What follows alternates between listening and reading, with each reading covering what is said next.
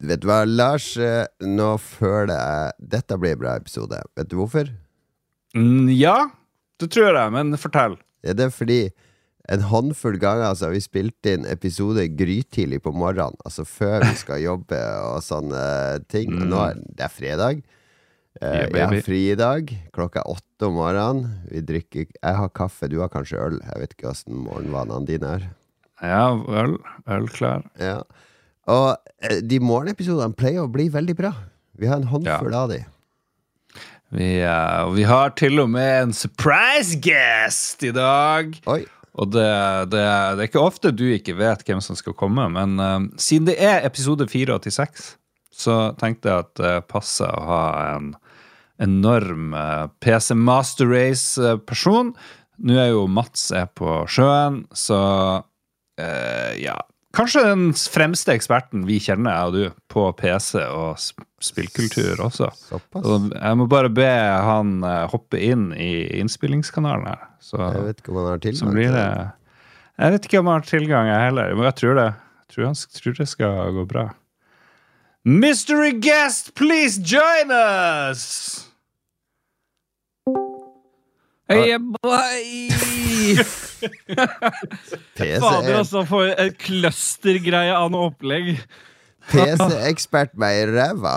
Nå har eh, Lars introdusert deg som eh, største PC-eksperten i Norge. Jeg har jo ja, Kan jeg si det at jeg har jo hørt den introduksjonen, for jeg ble forsøkt oppringt her Ja. fra min, fra min seng. Og, og så plutselig Dere brukte så lang tid på det forberedelsesgreiene at jeg måtte akutt drite. For dette er litt for tidlig for meg. Så jeg løp på do med muta telefon. Så introduksjonen den kom liksom i liksom det jeg holdt på å vaske meg på hendene. Så jeg rakk det akkurat. Men selvfølgelig er jeg melding på PC, JC. Men øh, hva er det du lurer på? Ja, jeg, først lurer jeg på om du klarer å slå på webkamera på en PC, Ja, for det har du jo ikke klart. Ja, jeg slapp av. Jeg, sa jo akkurat at jeg kommer rett fra do. Nei, men jeg kommer fra do. Hallois! Hallois, god morgen. Ja, men Så hyggelig å ha deg med i episode 486, Ståle. står det. Ja, jeg skulle bare male det. Er greit å få det- igjen litt sånn eh, real expertise. Hva var jo først? alle har- Alle har hver vår sånn derre eh, tyske pornofilm-sveis, ser du det? Ja, ja. Vi er veldig klare for innspilling. Jeg er regissør. Jeg, Jeg har regissørsveis, ser du. Den er gredd bakover. Lars han Ja. er det unge talentet Forover. som kommer med, med knullesveisen klar. Og du er mer Ja. eh, han kameramannen, han som går litt for Stemmer. nærme skrittet til dama hele tida, som må holde litt unna. Stemmer. Stemmer det. Jeg må, jeg må uh, si at jeg prøvde fortvilt å få en ordentlig PC Master Race-person med, men det Ståle var nummer ni på lista, er det det du sier?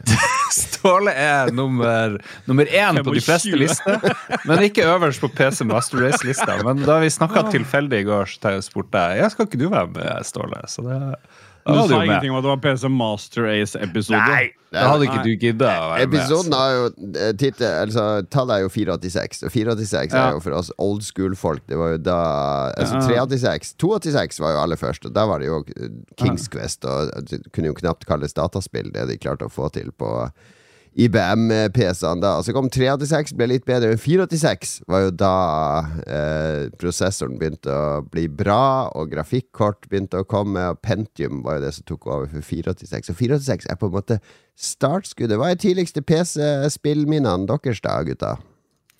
Oh, tidligste mm, Var jo sånne eh, ting som eh, Hva det blir s- Kjempetidligst Jeg vet ikke, Det første jeg husker, det var med masse PC-spilling. Det var på et hotell som en onkel eh, drev. Og der, på det hotellet så, så hadde de en PC på bakrommet, og der kunne vi spille Prince of Persia. Vi kunne spille SimCity og Larry og liksom alle de her eh, Da det Ja. begynte å bli bra. Jones in the fast lane. Men uh, jeg var aldri på sånn veldig basic PC-spilling. For vi hadde jo Commodore PC-en og Amiga. hadde? Fordi jeg husker jo at vi spilte Gabriel Knight 2 nede i kjellerstua di, Lars. Mm. Ja, vi hadde PC her, og da var det jo fordi det var- kom Doom og sånt. Mm. Det, var jo, det var jo det. Kan jeg, jeg kan si mitt første PC-minne, for det har ikke noe med PC å gjøre. Fordi det har med Mac å gjøre. Ja. Altså, jeg er jo vokst opp med Jeg har vokst opp med Egentlig alene med mo- mora mi. Og så når mora mi endelig fant seg en gubbe, så var det han ene Han ene fyren som var interessert i Mac på 90-tallet. ja, ja, de var jo mobbeoffer på 90-tallet. De var jo, gikk jo med designerskjerf hva, og Åssen tror du jeg har blitt som jeg har blitt, liksom? Altså, det var jo, men det vi hadde altså, Han var veldig sånn Han Stefan min var veldig kul. Han var veldig nerd, men han var så nerd at han liksom insisterte på Mac. Men Ja. til gjengjeld så hadde vi liksom internett, og vi hadde alle de tinga litt tidlig. Men eh, problemet, problemet var bare at spill til Mac kom som regel på den tida liksom tre år etterpå. Så mitt aller første sånn PC-spillminne, det var liksom altså Ofte så kjøpte mm, stefaren min Bård han kjøpte sånne samlepakker med sånne PC-spill som da var nye til Mac, men som da PC-spillere stort sett var ferdig med. da og det første jeg, første sånn ordentlige minnet som jeg koste meg skikkelig med, det er Full Throttle. Så det er liksom mitt sånn der, gode, gode sånn barndomsminne fra å sitte ved PC-en og prøve å finne ut av det der aleine. Men, men det var Mac for min Ja. del. Ja. Men Siden du 486, Det kom i 1989, ikke sant? Ja, jeg har også et PC-minne, Lars. Ja, ok, ok, beklager. Han får ikke lov, han.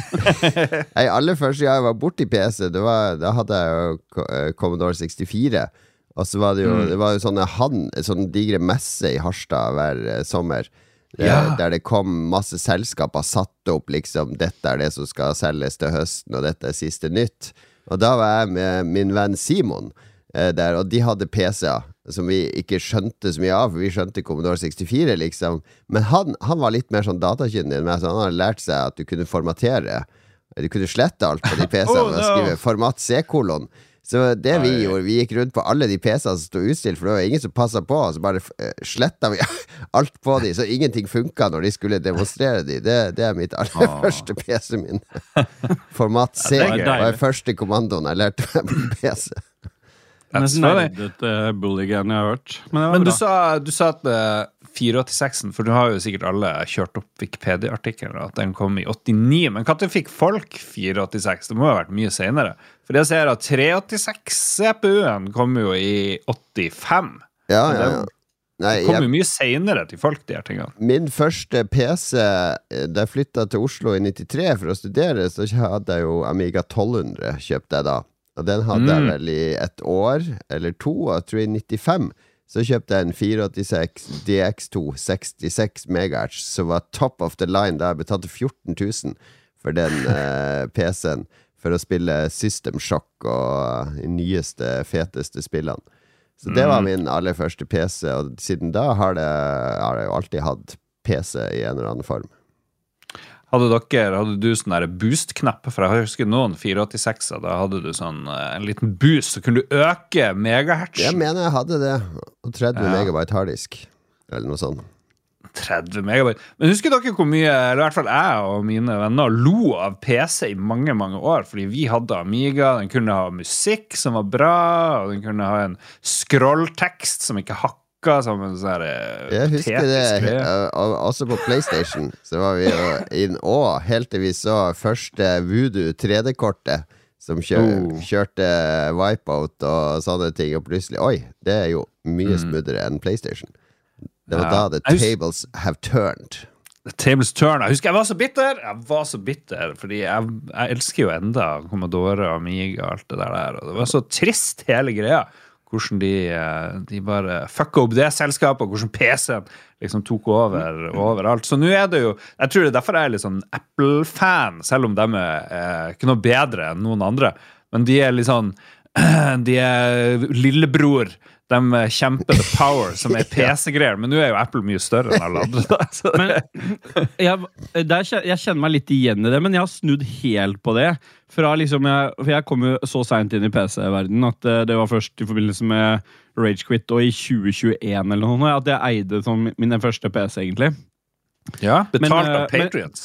Eh, Ja, og, og brukt godt etterpå, for primært sett eh, til klipping og redigering. Men jeg har litt på en måte Da har jeg blitt embraced av det veldig, fordi jeg har, ikke skjønt hvor mye potensial har ligget. Jeg har vært jeg har vært låst i eh, det der økosystemet til Apple så lenge at jeg liksom har, har opparbeida sånn Stockholm-syndrom til hele det greiene at eh, ting skal være så låst og lukka og sånn. Mens nå så har jeg liksom skjønt liksom hvor, hvor mye greier, selv om jeg fortsatt ikke skjønner konseptet driver Alle de driverne du skal Det må da kunne være et system på, så du ikke må at ikke PC-en din kan slutte å funke fordi du mangla plutselig en driver til et eller annet. Det, er, det, er det eneste Aberet har på det greiene der. Ellers er det fantastisk. Jeg, jeg også vokste opp jo med, eh, på, med bare konsoller. Så det var helt, helt, sånn fjernt for meg at eh, PC var en sånn ting som var så stort selv på 90-tallet. Ja. For det, det, var liksom bare konsolldelen vi ja, ja, kompisa spilte på? Vi var mange år konsollboys, uh, jeg og Lars òg. Altså, mm. måtte han tilbake til PC etter hvert. Men vi må inn i vanlig skjemaepisodeformat, så vi ikke holder på til, helt fram til lunsj her. Uh, mm. Hva har skjedd siden sist? Og da er det jo vanlig å la gjesten få begynne. Ja. Um, det spørs jo litt sånn siden jeg, um, siden jeg hoppa inn uh, og var med. Og det er ikke noen stramme regler på det her. Ståle. Du, du løfter opp det du har lyst til. Ja, Jeg har jo som, prata mye rart hos Ragequit, og vi har jo ikke sånn, vi har jo noen overlappende gjester. Men jeg har jo Jeg kan jo oppsummere litt sånn derre Er det sant at kan, Celine kan, er gravid? Jeg har hørt rykte om. At uh, jeg har blitt gravid, eller Stine? Ja, ja, det at, at uh, hun sjefte har blitt gravid. Termin i juni, har jeg lest på Discord. Ja, det har jeg også lest. ja, der, Det kjenner ikke jeg til heller, men da ah, ja, Du fra, fraskriver det etter hvert? Ok, ja. ja. Det må være noe Patrion-bidrag, det òg, da, kanskje. Ja, det kan det være. men jeg, Celine jeg, er gravid, det har hun sagt til meg, så det er bare å ja, okay. Det er lov å tulle med sånt, er det? Eller er det dumt ja, ja, det er lov, det. Er, det, er lov, det. det må være lov. Hvis det er men jeg, jeg, Gamle menn sier det lov, så er det lov. Må du vente litt, Lars? Nå ble jeg bedt om å si yes. noe. Nei, men jeg skal, for De av de som ikke har hørt så mye på Ragequit, altså, kan jeg oppsummere et kjapt halvår med at jeg for i fjor høst gikk til fastlegen min og, og oppdaga litt sånn blodprøvesvar på ting og tang, som var litt sånn litt tidlige symptomer på at over, overvekten på en måte begynner å sette spor, så jeg måtte gjøre noe med det. Så da, da, da ble, jeg, ble, jeg, satt på denne som nå har blitt nesten sånn berømt slankemedisin. Ozempic? Sånn, ja, men den som er til Osempic, er jo egentlig diabetesmedisin, og så er det den, den tilsvarende heter Vegovi, da. Så den har jeg stått på. Hurra! Hurra, hurra. Nå er vi ved veis ende. Uh, på i løpet av høsten så har jeg på en måte blitt Mens dosene For det skal trappe opp dosene her. Mens jeg har økt de dosene, så har jeg ganske, blitt ganske mye dårligere. Så jeg har fått liksom Hvis man går inn og leser på de bivirkningene, så har jeg stort sett hatt alle. Ah. Og det er sånn der, alt fra oppkast til forstoppelse til plutselig til, sånn. Ja. Hva sa du? Miste ereksjon og sånn. Ja, Den har jeg ikke mista, men uh, det frister jo lite når du liksom går rundt og er kvalm og huepine og sånn. Altså, det er liksom så jeg måtte, så, Men jeg har, har, dratt av noen kilo, som du nevnte sist ja, jeg hoppa inn. Så det har, fung det har ser fresh ut, selv om du ser kvalm ut. Ja, men nå har jeg måttet kutte Det som er oppsummeringa, var at jeg måtte kutte det der for det ble så mye. Det ble for mye. til og med eskalerte så gærent at jeg måtte inn til sånn der eh, rektoskopi eller til sånn oh. koloskopi og greier for å undersøke litt, men alt så bra mm. ut, så jeg har liksom nå måtte jeg bare kutte det helt ut, og så må jeg gå ja. på the good old fashion way. Det vil si uh, Garmin treningsklokke oh, yes, oh, yes. The Garmin boys! The Garmin, the Garmin boys! boys. Stemmer det. Kan ikke du få den der Osempic i stedet? da? Det skal jo være Nei, men det er, samme, det er samme greia. Så ja, det er Gubbepodkast. Sitter og snakker om hvilken medisin vi burde ta. Men ja, jeg liker at du har veldig lite medfølelse med Ståle. Nei, jeg har masse medfølelse og sympati med Ståle. Ja, ja. Medisiner er noe herk. Det, det, men, eh, men eh, det har hjulpet meg på veien. Da, sånn at nå, Det er mye lettere å være motivert nå. Liksom dratt, jeg starta på 133 kilo, så det er jo klart at det, eh, det hjelper å gå ned. sånn at nå nå må jeg bare justere det på egen hånd, og det vil si spise mindre og trene mer. Så det driver, driver jeg med nå. Jeg trente i går. Og, og, og, så I tillegg til alle disse tingene her, da, så, så, har jeg også klart å bli med i den berømte 17. mai-komiteen på skolen. Så liksom Til å ha alle disse tingene som man skal drive med. Så egentlig var det jeg hadde tenkt å nevne, men jeg måtte heller ta en oppsummering av alt mulig. Ja, nei, det er så, gøy å, men det er gøy å høre at uh, du uh, helsa er på bedringens vei, selv om de medisinene ble litt voldsomme. Ja. Ja. Men så mye mer trenger vi ikke vite. Nei, det er greit. Ikke den kreftdiagnosen skal ikke med.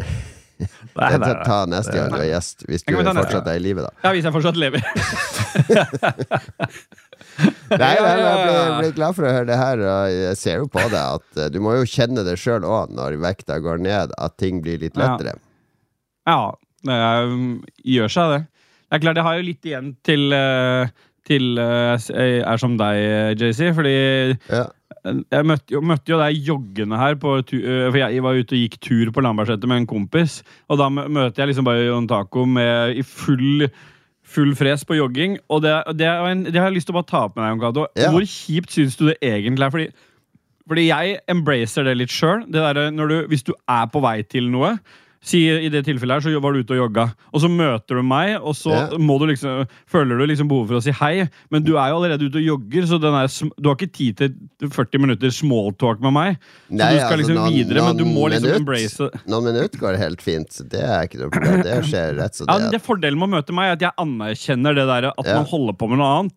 Så derfor var jeg litt sånn Jeg var litt rask i praten, og så sier jeg ja, nå får du bare jogge videre, for ellers blir du kald. Og så bare jogga du videre, og da sa jeg det til han kompisen. Det verste er folk som ikke skjønner at noen skal noe annet, sånn at du blir holdt igjen av det. Du er på butikken, og du ser at du har litt høyere tempo, så er det Ja, ja. noen som sier 'hallo, hallo, hei, hei', og så klarer de ikke å skjønne at det, De klarer ikke å catche at du er på vei til noe annet, så du blir Jeg- holdt igjen av sånn smalltalk. En god gjest skal vite når hen skal komme, og når hen skal gå. Det er de to eh, budene for å være god gjest. Derfor hater jeg å ha besøk sjøl. Fordi jeg er utrolig god på å skjønne at nå, nå lukter jeg lunta, nå burde vi dra. Så nå begynner jeg liksom Eh, Nå må vi hjem til noe greier. Men hvis jeg har besøk, så Da er det nesten så jeg jeg, jeg har liksom tatt det der tipset til faren din. Faren din Svigerfaren liksom min, som bare ringer drosje. ja, ja. Som bare bestiller drosje. Det, det er liksom en, det er det neste gang Han bare bestiller drosje til gjestene, og så sier du har lenge. drosjen der, ha det bra. Det blir dyrt for dere hvis dere ikke drar nå, for drosja står og venter.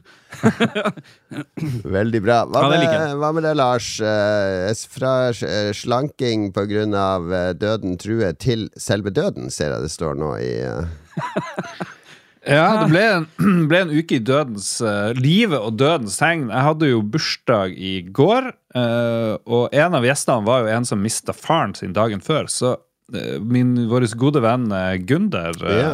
uh, mista jo sin far. Han ble 82 år gammel. Og det var sånn der, eh, det var sånn kjip sånn kreftdød, da, selvfølgelig. Så det Ja. har vært dratt ut lenge, men så plutselig ble det dårligere. Og så måtte vår venn komme nordover til Harstad, og så døde da, døde da faren. Og så har det vært Man er jo prega av det, da. Man, liksom, man vil jo også stille opp og sånn, så jeg har vært på besøk og eh, mye meldinger omtanke og sånt. Og det er utrolig hvor rart, hvor nært man blir uh, knytta av døden, og, og ikke av livet. Uh, det er jo litt trist. At det må sånne dødsfall til før man liksom begynner virkelig å eh, I hvert fall i mitt tilfelle. da, å begynne, Ståle stiller jo opp hele tida. Han drar og kjører folk til Ikea og dit og datt. Ah. Jeg er mer sånn det, Noen må dø for at jeg skal virkelig begynne å bry meg om de, de som er nær. så, så da vet du det, da. Bare å drepe noen nært deg, så kommer de med en gang. Ja, jeg føler du har mye omtanke, eh, Lars. Nå nå er jo vi Vi to har jo litt spesielt forhold, fordi vi har en samtale hver eneste uke når vi, vi lager jo podkast, ikke sant? Ja. Så det Men man kan jo ikke lage podkast med alle, men uh, jeg vet ikke. Det hadde vært slitsomt. Hva driver du med? Jeg lager podkast med, med din, mine ti nærmeste venner. Så jeg har ti forskjellige podcaster som egentlig ingen bryr seg om. Den eneste grunnen til at man møtes, er podkast. Ja, Nei, men jeg føler også at jeg stiller opp. Jeg blir ikke Jeg føler det er høy terskel for å spørre om hjelp i dag. Eller for å liksom be folk stille opp. Vet du hvorfor? Jeg, jeg tror det er sånn. Ja. Fordi det er en sånn, fordi det er en sånn iboende greie. Folk som har blitt sterkere og sterkere. Det der at eh, Hvis du tar imot noe, så føler du på at du skylder noe. Og det der skyldgreiene tror jeg gjør at folk liksom har, får enda høyere terskel for å be om noe. fordi at da går de rundt og føler på at nå fikk jeg noe hjelp av han til flytting, nå fikk jeg et eller annet der, sånn, Ja, ja, og så skylder jeg det. Jeg, der, der jeg, jeg, jeg liksom må nesten overtale folk for å komme og jeg skal, For jeg syns det er hyggelig å hjelpe til. Jeg bruker det der faktum at man kan komme og hjelpe noen som en grunnlag for oss å henge sammen. ikke sant? Istedenfor at man bare sitter der og gjør et eller annet, så kan man like så godt gjøre noe sånn praktisk. Om det så er oppussing eller om det er flytting av noe. Ja. Men det betyr ikke at jeg har, har en egen bok over folk som skylder meg noe. Men eh, det er liksom det, det er bare det, nå er det verste jeg vet, er folk som ikke stiller opp på dugnad. Det, Ja, der er vi nok eh, Hva, hva, hva slags dugnad, snakker vi om? For Der er vi inne på et sårt tema. For jeg er jo ikke en dugnadsperson. dugnad er å stille opp for fellesskap. Eh, eh, Ja, men det spørs i hvilken altså For eksempel, for å si det på en annen måte, da. Eh, Dugn, eh, altså jeg er kjempeenig med deg hvis det gjelder dugnad i f.eks. borettslaget eller sameiet her. Riktig. Eh, for, fordi at da, korpset. da blir jeg sånn, Eller Hvis du korpse. er en del av et rekkehus, for eksempel, da, Ja. og så velger du hver gang Sånn som Det verste eksempelet vi hadde her sist. Da Da pleier vi alltid å kjøpe inn noen felles, noen pølser eller et eller annet. Ja, når vi har bidratt. Og da var det noen som jeg så dem satt inne. Kommer ut, tar to pølser, går inn igjen. Mens vi andre driver og klipper er tuja-hekk. nakkeskudd når jeg kommer tilbake. Så da, da er jeg helt enig. I idrett kjempeuenig. Fordi da er min, her er min greie. Jeg må, bare, jeg må bare få sagt det med en gang. Når det gjelder liksom dugnad i idrett Jeg er superglad for at noen gjør det. Ja. Men det er bare Og, det, og anerkjenner det skikkelig for de som gjør det. Men den forventningen om, um, om dugnad i idretten syns jeg er helt altså sånn, Ja, du, det, fotball koster 1100 kroner i halvåret, men du må selge disse loddbøkene, og du må gjøre dette Ja, og ditt og datt. det! Bare si Du må hva ikke det, Ståle! Du må ikke det, det er ungene dine som må det. Når jeg gikk på fotball, så gikk jeg rundt som tiåring fra dør til dør og solgte lodd alene. Ja, det- Mora mi gikk det ikke og solgte ja, de det jævla loddene. mine også. Ungene mine må, må Ja. bidra for det. Men, men sånn som okay, Grunnen til at jeg hater det så intenst, er fordi for eksempel det første året unga gikk på fotball her i, i Setre, da var vi utflyttere. Vi flytta fra all, all min familie bor inne i Oslo. Så det, det klubben hadde funnet ut at de ungene skulle selge da, i seksårsalder, det var tre sånne rabattbøker i Buskerud. Jeg har ingen slekt der, så det er umulig for meg å selge de Ja, bøkene. nå, ingen, nå bare sint på fotball, for du har jo vel drevet med dugnadsarbeid for å få til noe e-sportsgreier for unger og sånne ting. Ikke sant? Det er akkurat det samme, bare at det er noe Jo, du interesserer deg for. Ja, nettopp, men det er det, det, er det, er det jeg prøver å komme til. Jeg har ikke noe mot dugnad, men jeg har noe mot påtvunget dugnad i sånne Altså, Si heller hva fotballen koster. Ikke gi meg en sånn derre 1100 kroner, og så må du selge dette. Også sånn som de, de bøkene. De, da fikk klubben Det er det som er mest problem med salg av ting. Det er at, eh, at det, er noen som sitter, det er noen som sitter og tjener seg ganske fett på det, istedenfor at klubben kunne fått de penga. Ja, de jeg, mener bøkene- 100% av lottoen skulle gå til frivilligheten, fotball og korps Ja. og idrett. det er, det, er, det, er, kanskje det som provoserer meg mest med greiene. Men nå, Ja. sporet- nå er du inne i ragequit-sinnet her. Ah, ja. vi, må, vi må roe ned. Lugna ned. Okay. For nå skal jeg hisse deg opp på nytt. Så må du ned, blodtrykket ned nå, før det skal opp Ja, igjen. ja. Er, får håpe du overlever denne episoden. For nå, nå, Ja, ja, ja. kommer, nå provoserer jeg sikkert her. Fordi jeg blir provosert av alle i media. Uh, fordi der er det sånn der uh, Det er sånn narrativ, har det vært nå, siden desember, på 'Vinteren fra helvete!' Og det er liksom Det er ikke måte på for en, uh, for en sinnssyk vinter det er det. Så vidt vi i Oslo overlever. Og nå er det I dag så regner det. Nå er det Det er våte veier fra helvete! Og, og sølepytta, så vet jeg du er jo yrkessjåfør, Ståle, så dette får Ja. blodtrykket ditt opp, for du, du lever jo i denne vinteren. Ja. Men jeg koser meg litt med det, da. Fordi det, det, det, det, det altså, da, Jeg mener det er en helt normal vinter. Ja, det er litt mer snø enn vanlig, men det er jo snø hver vinter. Det er jo det vi er vokst opp med. ja. Det er lenge siden det har vært så godt med snø. Da, så det er jo, sånn sett så er det jo litt Ja, det er noe avvik nede, nede hos Puntis og sånn som våkner opp og sier I Ja. helvete, se hvor mye snø det er ute der! Det er jo snø der ute! Jeg, jeg har ikke noe spære! Nei, Men, det, altså, det, eh, de er hvor nok mange bortskjemt liv- der nede. Hvor mange liv har gått tapt fordi du kjørte inn i en sånn sneras? Et ras på E E6? Jeg, vet ikke, altså Kjørte inn i sneras, eller snø, da, som eh, det egentlig heter. Ikke, eh, eh, altså Vår, vår ledelse er flink til å si at det, det har ikke påvirka noe. Men det påvirker jo selvfølgelig masse på responstider og hvor kjapt du er på plass. Ja, ja. Og spesielt siden bilparken vår, en av hovedbilene våre har gått 450 000, og det er en av den hovedbilen. liksom. Vi, venn, vi er så etterslep på det. Og så har vi biler si som primært sett går på bakhjul. Bakhjulstrekk og sånn. Må ikke du si noe du ikke får lov å si? Jeg vet at media Jo da, det, det, det tåler de å gjøre. Jeg er tillitsvalgt. Altså, akkurat dette tåler, tåler de å gjøre. Ja. Så de er flinke til å De tåler å høre at eh, det faktum at eh, bilparken er For det vet alle uh, hos oss. At den skulle vært Det det er forsinkelse på noen biler, så vi kjører i gamle biler. Ba, veldig mange har bakhjulstrekk, så det gjør jo en del sånne ting. Men det har gått fint. Det er deilig å Sånn sett det har blålyst, da, så jeg kan flytte på alle andre som sliter å komme seg gjennom snøen. Så for meg syns jeg det har vært helt perfekt vinter. Jeg. Vært litt mye snømåking, men det går bra. Ja, men det er bra. For jeg også synes det at det er en viss verdighet med å stå av dette været. Ikke sant? Ja, det er masse snø. Ja, T-banen står. Ja, i dag måtte jeg gå flere stasjoner til jobb. Og bussen kom ikke. Det er sånn som skjer. Det er jo vær. I Oslo så tenker man at eh, bussen skal alltid gå. Altså Det, det være, kan være sånn skypumpe som ligger over sentrum og løfter altså, Som i Donald Duck, så spiller de et sånn orkester som snurrer rundt, og biler og busser. Men nei da, bussen skal komme og kjøre meg til jobb uansett hva slags vær det er. Det er noe sånn bortskjemthet med sin Nord-Norge. Er Hammerfest da sperra av i et døgn fordi det har gått et snøras, og tunnel er sperra, og sånn. Ingen kommer seg inn eller ut. Det, det er normaltilstand når det er ekstremvær. Så slutt å syte over det været og gjør det til sånn der eh, enorm greie. Enorm sånn eh, Nei, katastrofe. Skjerp deg i media, Lars, er det jeg sier. Ja, det, det, det er jo mitt poeng òg. Jeg tror ikke folk i Oslo er sytete. Jeg tror det er bare media som må ha noe å skrive om. Men eh, hvis du ser på lesertallene, så er det med god grunn. Og, og for folk elsker el, Folk elsker stengte veier og trafikkaos og snøkaos. Så da får de det. Hvis gjør det er det de vil ha. Gjør det.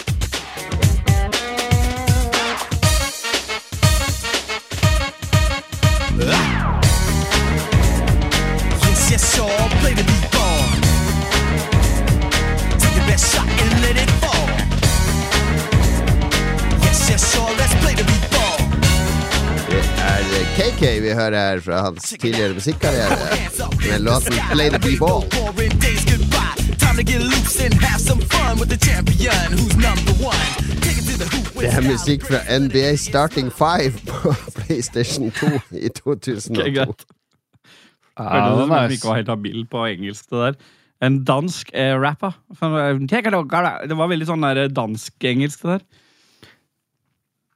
Vi ble i veldig godt humør, i hvert fall. Og, Det sa du overbevisende, Lars. Vi ble veldig godt humør. ja, men Jo Cato har dempa lyden for oss, så vi hører han ikke eh, her i studio. Nei. Nei. Sånn. Nei. Det er- Sorry, det er tidlig på morgenen her, så det er litt teknisk krøll til deg som hører på podkast. Men hva har vi spilt siden sist? Oh, mamma! Jeg har spilt bare 486-spill. Nei, det har jeg ikke. Men jeg har faktisk kjørt opp eh, Colonization. Uh, det har jeg glemt å Det ned. Den gamle. Civilization-spin-offen, Colonization. Der Ja, du skal uh, starte USA, basically. Sid Meyers eh, klassiker, han som lagde Civilization og alt det der. der. Minuset med å kjøre gamle spill er jo at eh, de har en oppløsning på 200 og et eller annet, så det ser jo faen meg ikke ut. Nei, det gjør ikke det. Eh, Så det, det er også Det ser bra ut når du spiller på eh, for eksempel din analog pocket. Pocket. Hvis du har bitte Ja. liten skjerm. Kan, kan spille på min analog pocket. Så det som selvfølgelig skjedde, og det som skjer, at når jeg skal spille noe, så bruker jeg veldig mye tid på å komme i gang, og kanskje ikke får spilt noe som helst. Så her ble det sånn Hvordan skal jeg få det her i HD? Må lage sånne her DOS-emuleringsgreier og eh, oppskalere og sitte med YouTube i timevis. Så det er det jeg har gjort eh, da jeg skulle spille Colonization. Så jeg skal komme tilbake med hvordan spillet er ved en senere Du har gitt anledning. opp, du har gitt opp dataspill, du. Det er dette faen meg Nei, jeg har ikke gitt opp. Jeg har spilt andre ting òg. Jeg har spilt um, Savant Ascent Remix. Fordi i dag denne episoden kommer ut på fredag, og da kommer også de nominerte til årets uh, hva det heter, spillprisen i Norge. ja, Skal vi lage greie? Skal, vi, skal, du, skal du være med i år på det, forresten? Det er i Trondheim. Ja, det går- Er det, nei, fy faen, da gidder ikke jeg med. Trondheim er jo ikke mulig for en uh, fyr fra Harstad å reise til, for da må du jo til Oslo først. Så det er jo eh, Ja, det, det er jo helt Ja, men det koster jo 6000 òg, da, hvis Ja. du skal dit. Så, Men så jurymedlem, Ja. så betaler vel de. Nei, de betaler ingenting What? for eh, å komme på ut- prisutdelinga. Nei, jeg skal heller ikke på spillpris. Det er, det er, eh, det er eh, synd å si det. Jeg- støtter jo at ting skal være i distriktene og sånn, men det er jo mye hessel å dra dit bare for en prisutdeling. Det er det, men det hadde vært veldig kult å fære til Hvis Trondheim. Lolbua Men hadde vært nominert, da, så kanskje vi hadde dratt. Ja, og jeg har ikke sett eh, den lista. Vi hadde avstemning i går. Hemmelig avstemning i juryen etter to timer med heftig debatt. Um, Erik fra Foss fra Fossum fra, fra um, Pressfire var med. det, Lars, at du skal gi det spillet ti poeng! Det er ikke noe bra spill. Så det var folk fra Gamer, og det var folk fra Rad Crew sitter i juryen. Bare kvalitetsfolk eh, Oh, yes. i juryen der. Og jeg tror, jeg har ikke sett lista, men jeg tror at uh, Savant Ascent Remix blir et av uh, de nominerte til årets spill. Ja. Uh, og må si at det har jeg kost meg veldig med. Uh, og det funker på min gamle, gamle PC med 1070 TI-grafikkort og sånne ting. Og det er jo eh, han der eh, Savant som lager lyd. Et eller annet Vinter, eller hva han heter for noe. Ja. Og så er det jo eh, ikke Joremi, men Simon som har lagd grafikken. Joremi og Koda. Og de er så flinke å lage ikke sant? Deephead Studio i Norge er liksom de som reindyrker et eller annet og prøver å gjøre det skikkelig skikkelig bra. Det så jo vi med Owlboy. De brukte jo åtte år på det. De gir ikke ut noe før det er klart, liksom. Når det kommer ut, så skal det selvfølgelig nomineres til pris. Det, og, og kanskje også bør de vinne pris, eh, hvis man spør noen her, men vi får se. Det, vi får se. Um, jeg har kasta mine stemmer. Ja. Jeg aner ikke hva de andre jurymedlemmene har gjort, men du, du begynner i en heis. Og så går den oppover, og så kommer det masse fiender, og så må du skyte. Og så kan du hoppe til høyre og venstre i den der heisen. Og det er så tight, og det er så nice, og det er liksom bullet hell-aktig. Og det er masse bosser som bare kommer, boss etter boss. Er et Gøy spill. Det er jo gammelt spill. Veldig, veldig Det er jo remix av et spill, og remixen kom i fjor, da, så derfor fikk det lov å bli nominert igjen. Men det er ganske annerledes, det her nye. Er, det, eh, er Bruce. Springsteen med i det spillet? Ja, hvordan visste du du det? sa kom boss etter boss. Mm. Oh. Det gjorde det. Men så bra Deephead Studio gjør grafikk, og hvor bra de gjør gameplay. Det, det, jeg syns de fortjener en enorm hyllest i norsk uh, spillindustri. Der får de dem. Ok. Jeg har spilt eh, Vi nevnte det sist. eh, Helldivers 2 var jo nettopp kommet. eh, Mats var all in. Og nå har jeg spilt, eh, spilt en del Helldivers 2, både med Mats, men også med våre Harstad-venner. Det er jo et spill som er gørr kjedelig å spille alene, eller med fremmede. Jeg spilte én runde med fremmede. Det er det verste kaoset jeg har vært med i. Ble drept hele tida av lagkamerater. Eh, fordi det er jo ikke Det er jo Ståle sitt, uh, sin våte drøm. Det er, det er kun Det er så bra! a friendly fire all tiden. round. Oi, drepte jeg deg? Så, men det er jo et knallbra spill, for det, det er sånn Uh, Vi kommer til det seinere når vi skal snakke om The Great Video Game Crash of 2024, som jeg skal spå. Uh, fordi det er et dobbel A-spill, ikke sant? Det er ikke trippel A-spill. Det er et dobbel A-spill, og dobbel A-spill det tror jeg er den nye standarden. Og dobbel A-spill er jo de spillene som leverer. Trippel A-spill, de bare skuffer. Se på Starfield og all, alle disse hypa, megasvære spillene. De, de er litt sånn eh, ok, ok, er greit. De, de leverer ofte ikke varene helt som de skyhøye forventningene våre er. Så da må vi ned i dobbel A, for da har vi ikke så mange forventninger. Og så bare går vi inn, og så spiller vi Starship Troopers. fireplayer. Kjempe, kjempegøy. Masse variasjon i oppdrag, masse taktikker, masse strategier. Nei, dette er moro. Dette er moro. Det eneste jeg må Problemet å finne tre kompiser som er på å spille sammen med. I går prøvde jeg å spille med Jostein. Da ble jeg kasta ut. Styrer deg på vei, styrer deg på vei, Jon Cato. Kan, kan du være så snill å gå? Ok. Så, sånn, sånn var den eh, Sånn ble den eh, session. Nei da, Jeg skjønte jo det. Jeg bare hoppa inn, for jeg så de var tre. Tenkte ja, de trenger en fjerde. Mm. men jeg hadde en fjerde på vei. Han satt bare sikkert og bæsja eller et eller annet. Du ble litt bitter, da. Det ble det. Ja, jeg så dem streama det i går, så det var sikkert, eh, hadde de sikkert en plan.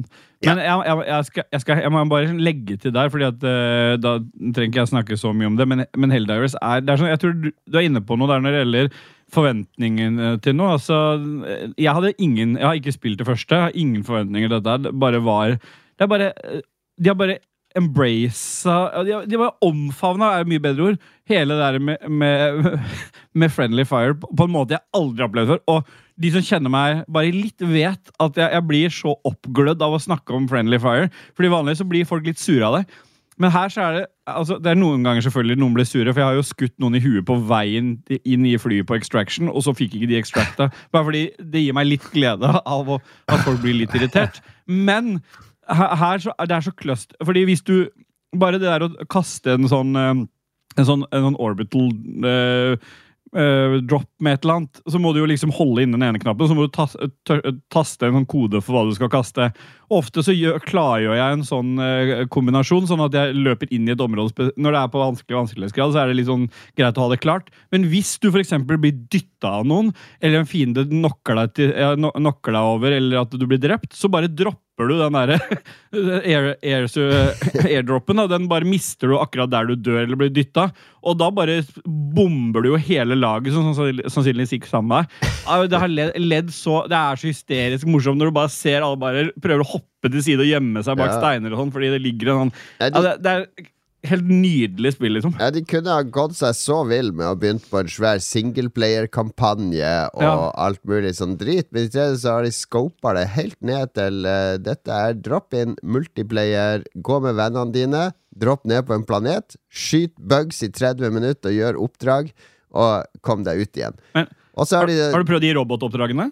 eh, Nei, jeg har bare prøvd bugs i robotene. Ja, fordi det er en helt annen Det, eh, det, det på en måte gir en helt annen Det er veldig kult, fordi da blir det helt skiftende, for da blir det litt mer distanse. De er ikke så oppe De hopper ikke sånn på deg, på en Ja, måte. Så de er med, det blir en helt sånn der, det blir sånn Robocop-feeling i hele den eh, delen, delen av det. Ja, nei, jeg skal glede meg til å prøve det òg.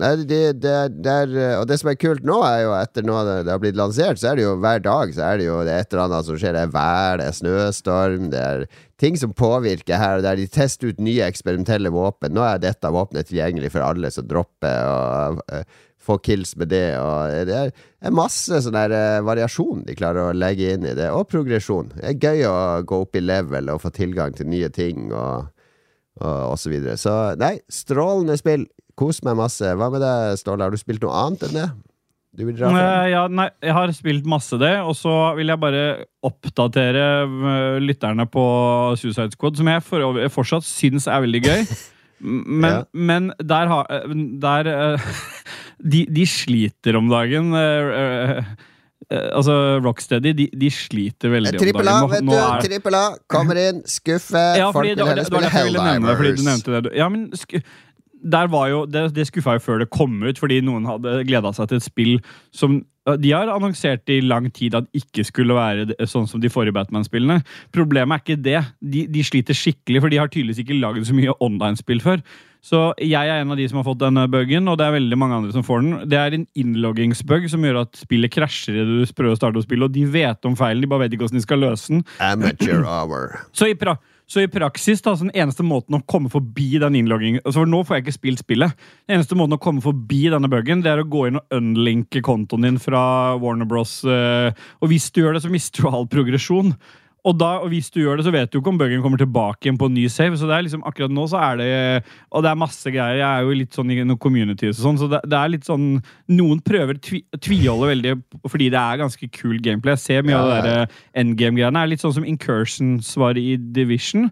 Det er sånne egne områder der du skal fighte fiender som kommer i, i waves. Så det, det, er, det er mye kult der, men da må liksom spillet funke. da. Men det er ikke det jeg skulle snakke om. Jeg skulle bare legge til det. Det jeg ville si er at jeg har prøvd um, prøvd Skull and Bones uh, Oh. Open Beta, for det kommer jo nå Det kommer jo nå om en uke. Er det ikke, eller er det nå?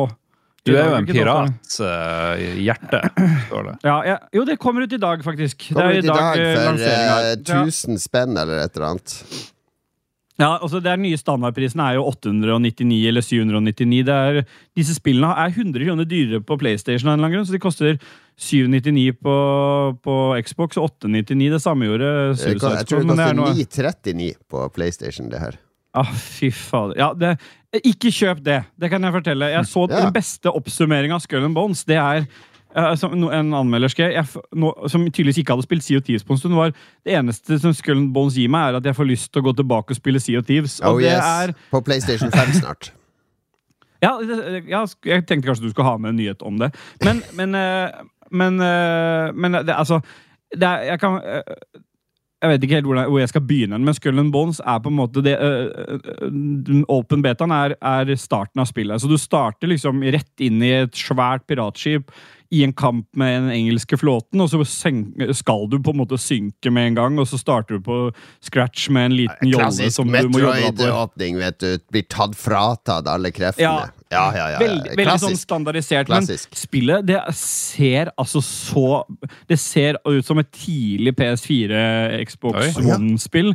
Grafisk sett, du, du spiller jo tredjeperson, og da er det litt greit at karakteren du spiller som, har noe mimikk, da, men den derre karakterkreatoren, den er helt Den har bare sånn helt snevert eh, En sånn snever mulighet av justeringer. Kan du ha store pupper, liksom være tjukk og sånn?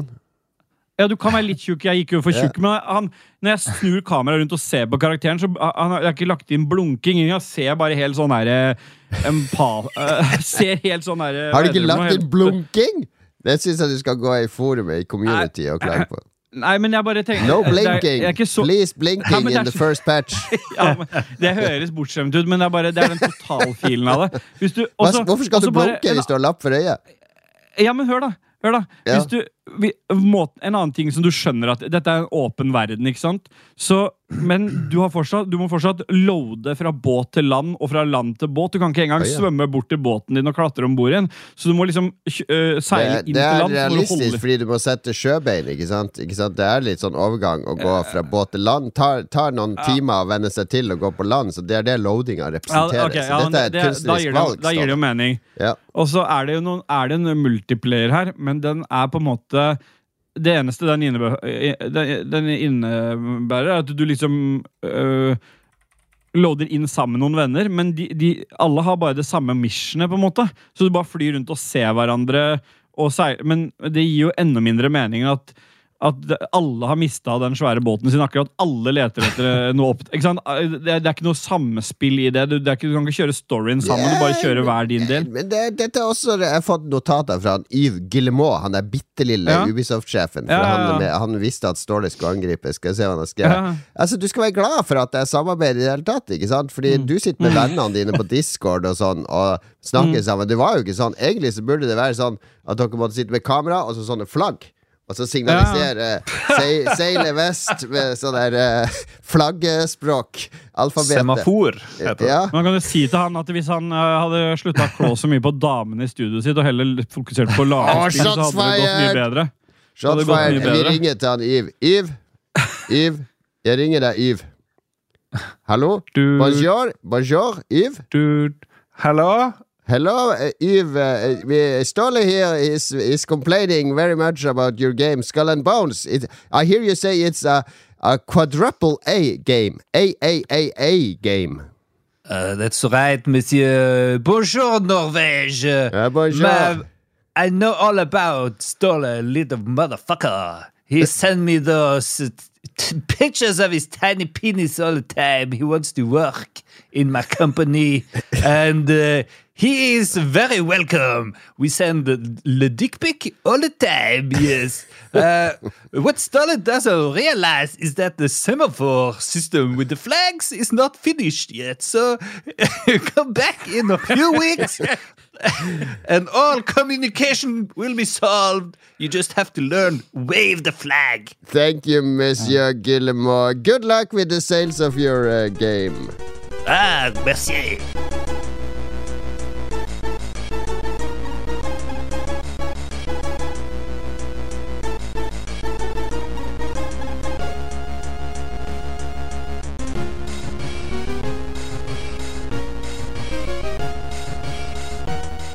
Fantastisk. Eh, De tar alltid telefonen når vi ringer disse sjefene. Har du merka det, Lars?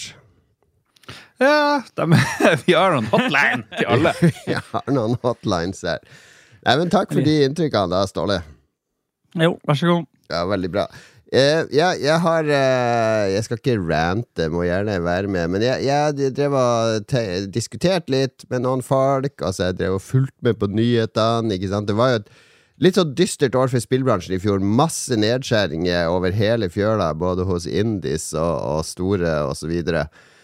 Og eh, nå er det mange som spår at vi står overfor en sånn stor eh, stort krasj i spillindustrien. Altså, ting må endre seg. Vi går gjennom eh, Krasj er jo feil, fordi alle tenker på Atari-krasjet og masse spill som skal graves ned i ørken, men det, det, spillbransjen har sånne perioder der ting endrer seg.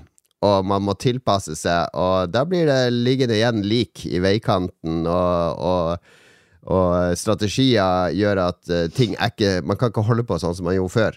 Og det er mye i kortene her nå. Jeg tenkte jeg skulle dra igjennom det, så må dere gjerne skyte inn underveis, så at det ikke blir, blir en sånn rant fra en gammel mann som står og roper oppe i skyen. La meg spå, du kommer til å si at AI kommer til å forandre alt. Nei, vent litt. Ja, nei, AI er en del av det her, men la oss se hva som skjer hos historien nå. Ikke sant? La oss begynne med Sony. Eh, fordi eh, eh, Sony har fått ny sjef nå, som har tatt over for han Jim Ryan. Det er han eh, Hiroki Totoki. Og han eh, har nylig uttalt at han er bekymra for profitten. Altså, PlayStation 5 var jo umulig å få tak i i to år, og så ble den tilgjengelig i butikkene. Og nå klarte ikke Sony å nå salgsmålene i fjor. De har nedjustert salgsprognoser for PS5 i år. Eh, vet du hvor mange First Party eh, PlayStation 5-spill som kommer i 2024, Ståle? Nei, to, Null. tre. Null. Ja.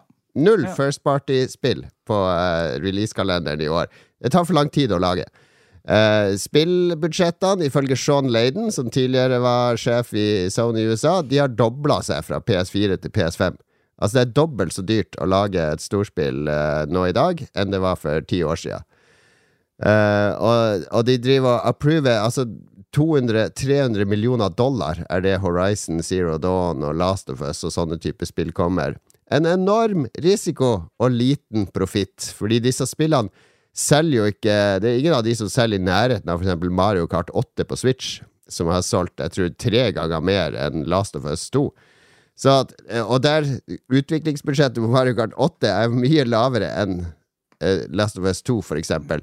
Så uh, Totoki, som er uh, litt sånn der forretningsmann, han vil ha mer profitt og mindre risiko, og snakke i større grad om multiplattform. Vi må tjene inn penger på flere steder, så PlayStation 5 går jo for uh, å komme på PC samtidig, og så driver de sikkert og snuser på andre økosystemer også.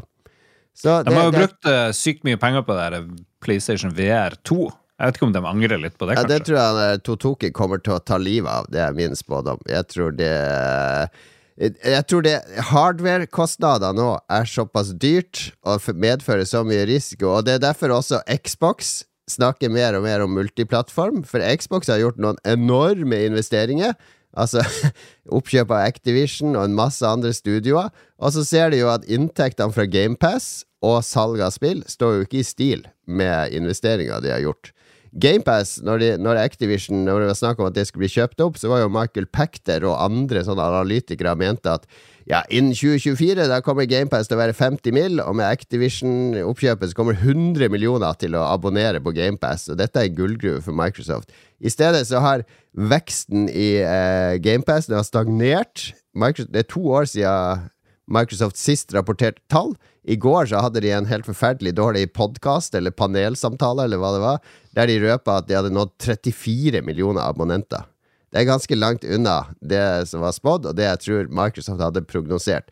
Derfor er Phil Spencer og de pålagt nå til Her må vi tjene mer penger.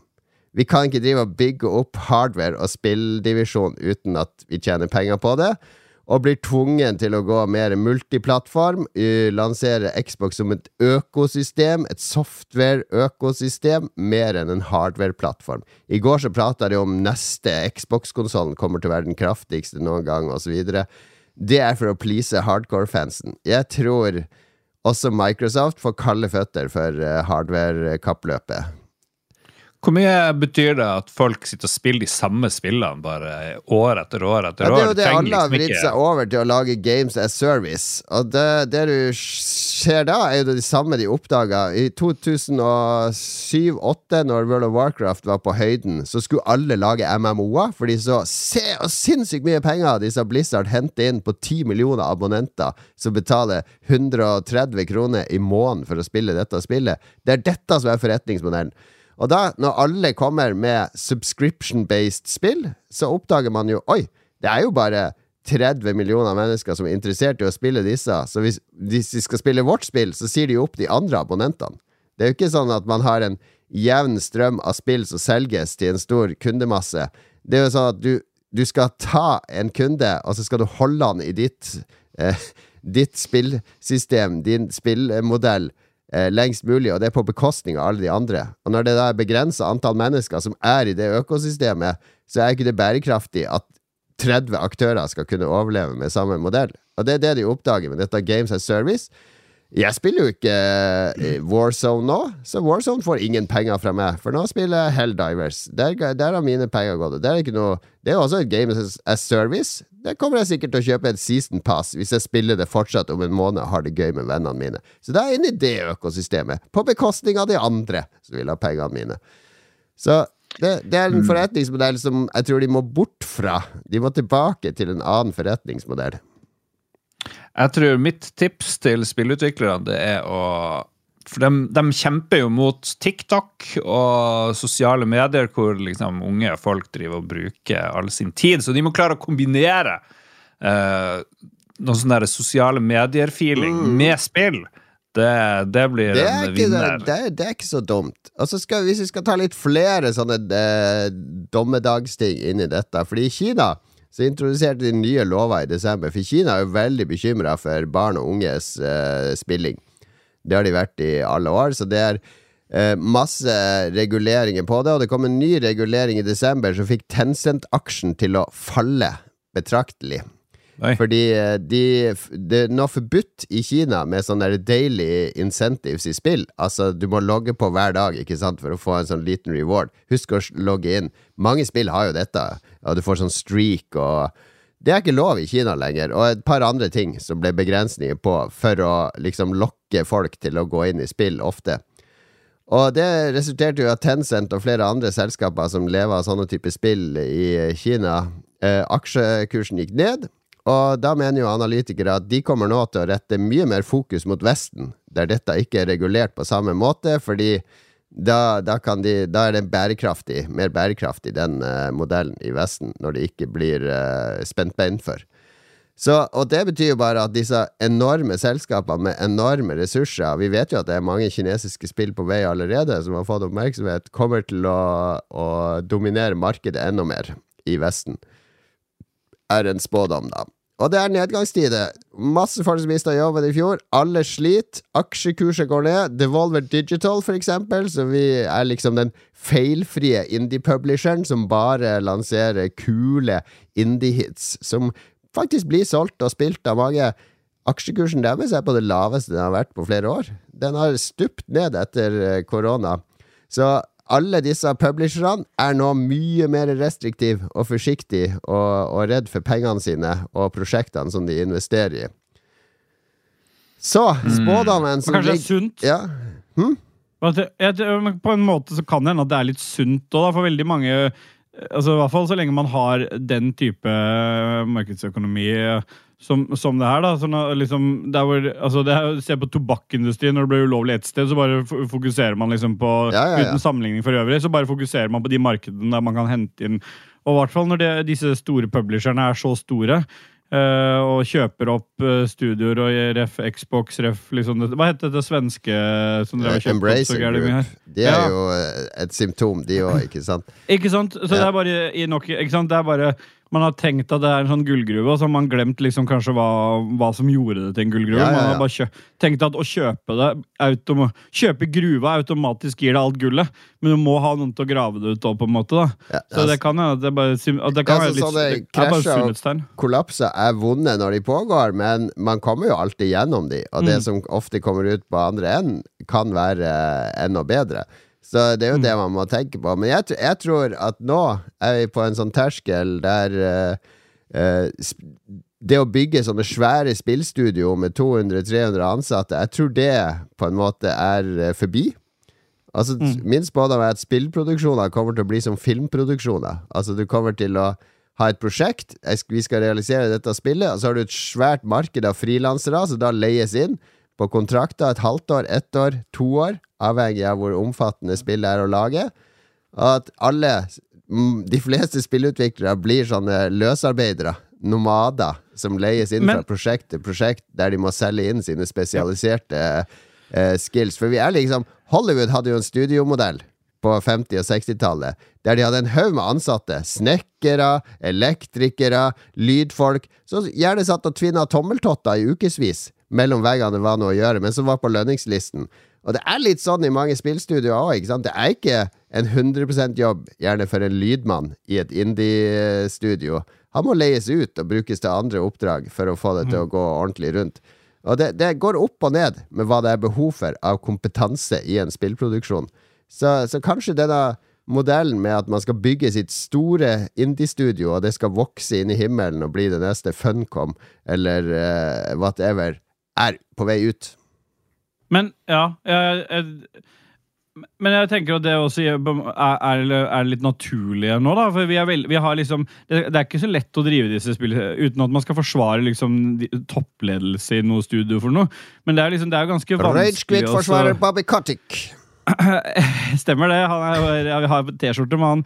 Nei, men altså, det er jo du, Det er ve- veldig vanskelig å gjøre noe riktig, for du blir slakta for alt du gjør. Og hvis du i tillegg skal ha den aksjonærdelen av det, og du skal passe på det- altså Du sier det jo sjøl, altså det der å ha noen gående, men ikke og ikke, kun, ikke nødvendigvis at det er noe arbeid til dem. Dette er jo, vi, vi, vi ser liksom Å nei, å nei, for de er så fæle, disse spillstudioene, når de holder på. Men det gjøres jo overalt.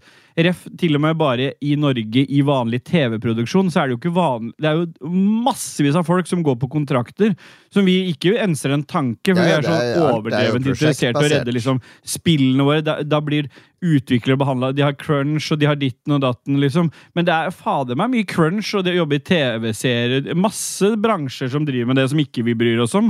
Sånn at det, det, Men hvis det skal man, må- hvis det skal man må ha ordentlige arbeidsforhold og ta vare på folk som jobber i prosjektene sine. Men uh, jeg ja, spår det, at det Men blir det kan fortsatt være prosjektstillinger for det. ja, ja, jeg spår at det blir prosjekt, mer, mye mer prosjektstillinger og prosjektbasert fremover. Og det er jo det spillet egentlig er. Hva tenker du, Jeg Lars? har, jeg har løsningen på Ja. hele greia. Det er å reversere all tech til 1997-nivå. Hvor eh, både spill og film og musikkverden var i, i, på sitt beste. Folk Vil ha kjøpte Con Air-spill. Det var for dårlig internett i at vi kunne streame noe som helst, men det var litt internett, og vi, vi fikk det vi trengte. Og da kom filmen som Titanic, ikke sant? Verdens beste film. Og vi fikk eh, spill, vi fikk Final Fantasy 7, vi fikk Castlevania Symphony of the Night, Golden Eye. Trenger ikke noe bedre enn ish, eh, ish det der der når det gjelder internett. Eh, teknologien ellers kan være bra, men det er jo fordi vi sitter bare hjemme hele tida. Vi har de der mobilene, isolerer oss og, og spiller online altfor mye. Vi må få bort det her online-greiene. Så, så er verden et mye bedre sted. Skal det. Litt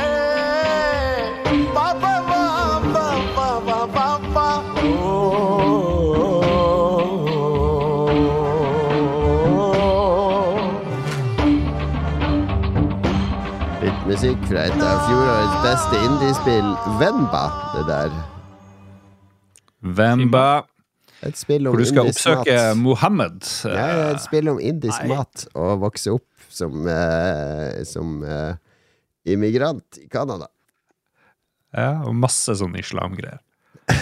Nei, indie, indere er jo ikke Det er hinduisme, det, Ja. Lars. idiot. For en noldus. Hæ? Nå skal det handle om eh, Nå er det spillklubben. La oss høre på denne traileren her.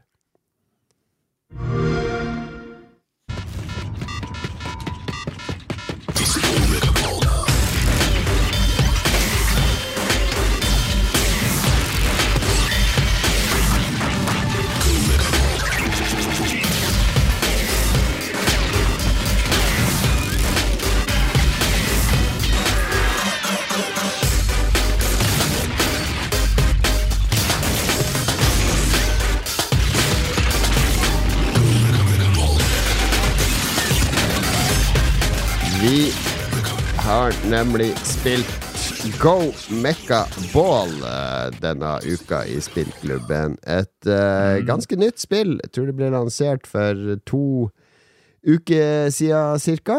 ute på konsoll og PC. Det er i hvert fall ute på Xbox, ser jeg her. I 1997 så var det fredsbølge i Midtøsten. Vi satt og spilte X-pilot på Blindern. Det var det perfekte året. Så det, hvis vi bare går tilbake dit Jeg følte, jeg skjønte du trykte på feil knapp i sted, eh, og så kom det sånn musikk som spilte over meg. Men jeg tror vi må ha en egen episode om 1997 ganske snart. Ja, et, episode 1997 kan du glede deg til. Juhu! Da vil jeg være gjest! Yes. Overraskelsesgjest. Bill Clinton drev og knulla med hun der dama. Nå ødelegger spillklubben. Spalten som flest lyttere gleder seg til. Jeg Er så glad for at den er tilbake. Og det, nå har du kjørt den i grøfta, Lars. Få den opp av grøfta igjen. Fortell meg om Go Go Mecca Mecca Ball. Ball! Ja. Ja, Har vi fått eh, lydopptak som forklarer det bedre enn oss? Vi har fått noen lytterbidrag, det har vi. Det du prøver å si nå, er at du ikke har spilt det? Jeg har spilt det jeg spilte i uh, timevis, Ja. faktisk. Ti minutter, da. Vi kan uh, eh, vi, vi har to, uh, to lyttere som har det. Skal vi begynne med lytterne denne Ja, gangen? Ja, begynn med dem. Ja. La oss begynne med Boysemannen, da. Uh, han Oi, eh, han pleier å spille de ganske grundig. Grundigere enn oss, har jeg mistanke om. Men vi kan høre hva Boysemannen har å si om Go Mecca Ball. Go Mecca Ball et slags ovenifra og ned skytespill med roguelike progresjon. Eh, Den er også tilgjengelig på GamePass, noe som var heldig for min pengebok. I spillet tar du kontroll over én av fire kattemex, eh, der jeg så langt har låst opp tre av dem. Cat Rascal, Proton og Sprout. De her låses opp ved at man bruker de gule myntene i spillet hos kjøpmannen man møter rett før hver boss. Spillet har som mål å komme gjennom eh, fire ulike verdener ved fire ulike levels. Hvorfor? Eh, who cares? Historia betyr absolutt ingenting i dette spillet. Det er gameplayet som virkelig tar det. Du tar altså over ei katt som har klatra inn i en robot. Deretter kan du gjennom tutorialen hvis du ønsker, eller bare hoppe rett ut i spillet. Jeg sjøl valgte tutorialen fordi jeg ikke skjønte at jeg bare kunne fære videre, men jeg er egentlig glad for at jeg gjorde det. Her blir du presentert for de ulike gameplay-elementene som er i spillet. Om robotkatta står og går, så kan jeg skyte med våpenet du har valgt. Om du trykker på LT, blir den om til en liten ball som går mye, mye fortere. Om du trykker RT samtidig som du holder LT inne, så skyter du ekstra fart. I tillegg kan vi også disrupte motstanderne om å skyte fart i dem idet de skal til å angripe. Det blir som en slags parry-funksjon. Du får også tilgang på noen abilities, som f.eks. granater, hoppende eksplosjoner, ground slammer-angrep osv. osv. Uh, hver gang man kommer tilbake til huben, har man mulighet til å bruke spillets blå mynter for å få nye abilities. Her kan man også øke arsenalet sitt med nye våpen og se etter nye oppgraderinger. Spillet i seg sjøl er ganske relativt enkelt å få has på. På min første gjennomspilling tok jeg meg gjennom de tre første verdenene uten problem. Der tok jeg bosser som Glitchweaver, King Lurk og Waveform uten større problem. Etter det kom en heftig difficulty spike som jeg slet veldig med å få til. Jeg har brukt rundt ti forsøk på å komme forbi det. Mye ettersom at spillet plutselig ikke har de her skjulte veggene lenger, og man plutselig havner utenfor brettet og mister liv hver gang man detter utfor. Men jeg klarte til slutt å komme til siste bossen, som heter Iterator. De her ulike bossnavnene gir også spilleren et bilde på hvordan kampen mot dem foregår, spesielt hvis man kjenner igjen litt av de begrepene. Til slutt så tok han Iterator, tidligere i dag morges faktisk, og fikk da se endgamet, og jeg er ganske fornøyd med det, for da er jeg egentlig ferdig med spillet. For deg som lurer på om dette er et spill for dem, så kan jeg si at for dem som liker roguelikes, så er det verdt et forsøk. Pumpa går, taktikkene må endres underveis, og utfordringer står på løpende spann. Spillet er litt for lett å komme seg gjennom eh, for å kunne holde på meg like lenge som f.eks. Hades gjorde. Men jeg hadde det veldig artig når jeg spilte gjennom det. Og har du gamepass, så er det verdt en titt uansett. Takk for meg. Tusen takk til Takk for det. Boysman, Han, er- han leverer solid hver uke. Ja. Boysman er, er en sånn amazing eh, fyr. Han er liksom, han er sånn superengasjert i nesten alt vi driver med. Før han til i Ragequit til Lulebua og er sånn ordentlig engasjert uh, type. Så det er åpenbart at uh, de har, at døgnet varer lenger nordpå. Ja. Jeg kjente meg igjen eh, at det var litt lett. Jeg synes det var litt sånn Jeg tok tre bosser eller noe sånt. Mm. Ganske fort. Jeg har ikke kommet så langt som Boyseman, men ja, Jeg vet ikke om vi skal høre neste greie òg, men eh, Vi kan, vi kan godt høre fettesten nå. Den er mye kortere, for jeg tror ikke fettesten har spilt det så mye. Men uh, han, har alltid, han har alltid noe lurt å si. Etter to spill som har vært veldig sånn rolige, ettertenksomme opplevelser, så kommer et spill som er eh, ADHD i spillform. Hyperaktive katter, to tostikkerskyting, neonfarger og eh, bråkete musikk. Jeg liker jo det også. Det jeg setter pris på med Go Mechaball, er det at det er eh, en klassisk stikkerskyter, men kobla opp til eh, jeg vet ikke hva jeg skal sammenligne med, men det, blir jo til en ball da, som kan sprette rundt og booste på ramper og krasje inn i fiender og sånn. nå. Det er veldig sånn mekanisk tett til å være et såpass enkelt spill, egentlig. Altså, du har flere forskjellige mekanikker for å stønne fiender. Du kan eh, dunke borti dem for å få mer ammunisjon. Du kan uh, bevege deg ganske fritt på hvert spillbrett. Det jeg likte aller best med spillet, var vel egentlig det at du har den der friheten bare til å leke og slå deg løs. Det er ikke sånn låst til et bevegelsessett. Du kan sprette rundt som du vil. Føles veldig fritt innenfor de veldig tydelige rammene som er satt. Uh, og så liker jeg presentasjonen. Det er litt sånn barnlig presentasjon, uten det er noe negativt i seg sjøl. Det er bare den stilen de har gått for, og den funker veldig bra. Og så er det artig da å se at eh, på credits-lista så ser jeg navnet jeg kjenner fra før av, som er Erlend Grefsrud. Som da er en kjenning av meg, som eh, har holdt på med å programmere spill og designe spill i mange år. Så det er artig å se at eh, han fortsetter fortsatt driver på. Det er veldig fint. Så må jeg selvfølgelig runde av med å si at jaha, dette var en god mekkaball. Go Mechaball! Si jeg koste meg da jeg startet spillet. For det var jo bare eh, action hele tida. Ja. Du kan springe rundt som vanlig twin stick, og så kan du bli den der ballen som fyker rundt og, og booster rundt og, og bare moser på.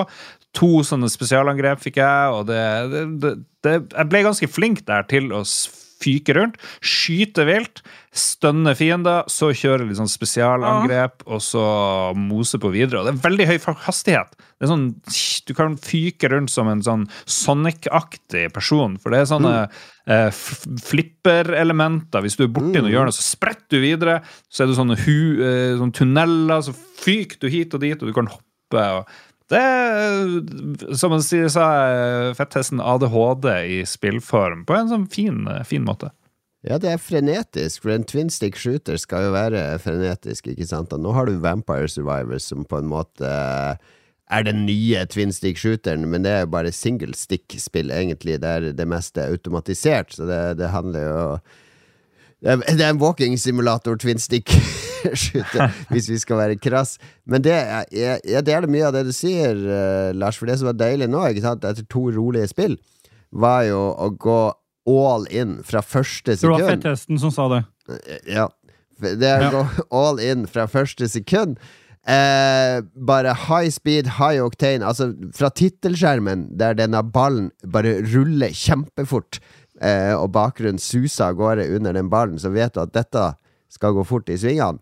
Og så er det det Jeg elsker jo gameplay-baserte spill. Eh, jeg er jo ikke så glad i eh, lange narrativ og sånne type ting. Jeg mener jo at eh, en spilleopplevelse, det er jo samspillet mellom meg og eh, hva enn jeg, jeg har i hendene for å Hold deg i skinnet nå, Ståle.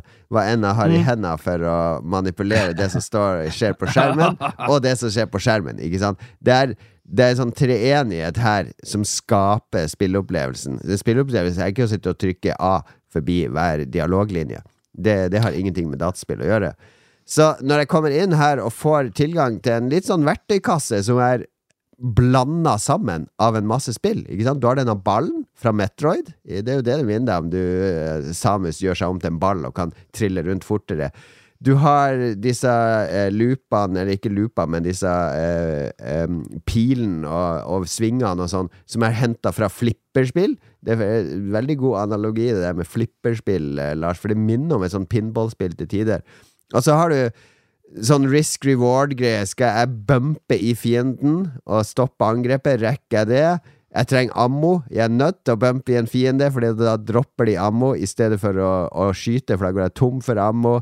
Hele tida balansere eh, behov opp mot eh, risiko, opp mot ferdigheter, opp mot alt det kaoset du ser rundt deg på skjermen. Hva er beste Hvilke fiender må jeg prioritere? Skal jeg rømme eh, bort og, og hente meg litt inn, eller skal jeg bare gå all in rett på han, og så satse Det er konstant! Det er sånn 100 avgjørelser i minuttet oppi hodet ditt som du må ta hele tida.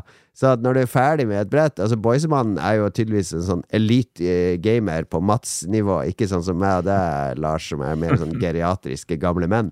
Uh, så det er konstant avgjørelser du tar, uh, uh, som, som påvirker utfallet.